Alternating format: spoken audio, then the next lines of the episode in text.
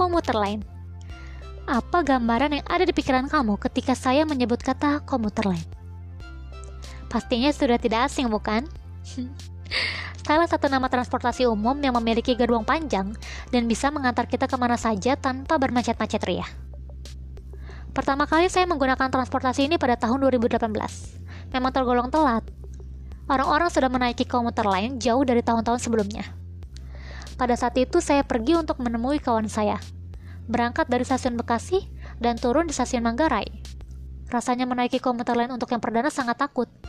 Apalagi pada saat itu saya berdiri, tidak kedapatan kursi, serta berdesak-desakan dengan penumpang lainnya.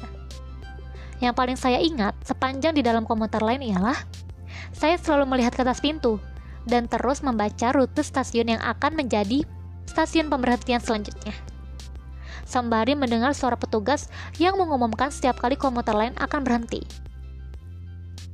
Pada saat itu saya sangat panik, karena pertama kalinya menaiki transportasi tersebut. Terlebih lagi saya seorang diri.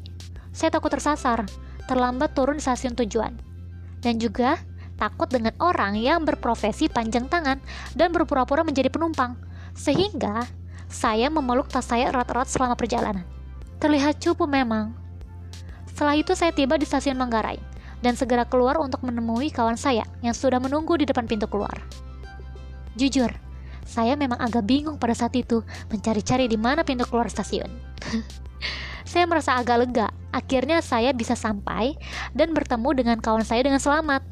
Memang terdengar agak berlebihan, karena memang pada saat itu, pertama kalinya saya memberanikan diri untuk menaiki komuter lain sendirian, terlebih lagi saya orang yang termasuk penakut dan jarang keluar rumah. Hingga akhirnya waktu terus berjalan, dan saya pun sudah terbiasa bahkan akrab menggunakan komuter lain ke mana pun. Bahkan sudah satu tahun saya menjadi angker, anak kereta alias penumpang komuter lain. Banyak suka duka yang saya dapati, dan jika diibaratkan dengan buku, ada berlembar-lembar kertas dari setiap cerita-cerita yang saya ingin suarakan di podcast ini. So, tetap stay tune ya di podcast tanpa aba-aba untuk mendengar kisah-kisah selanjutnya.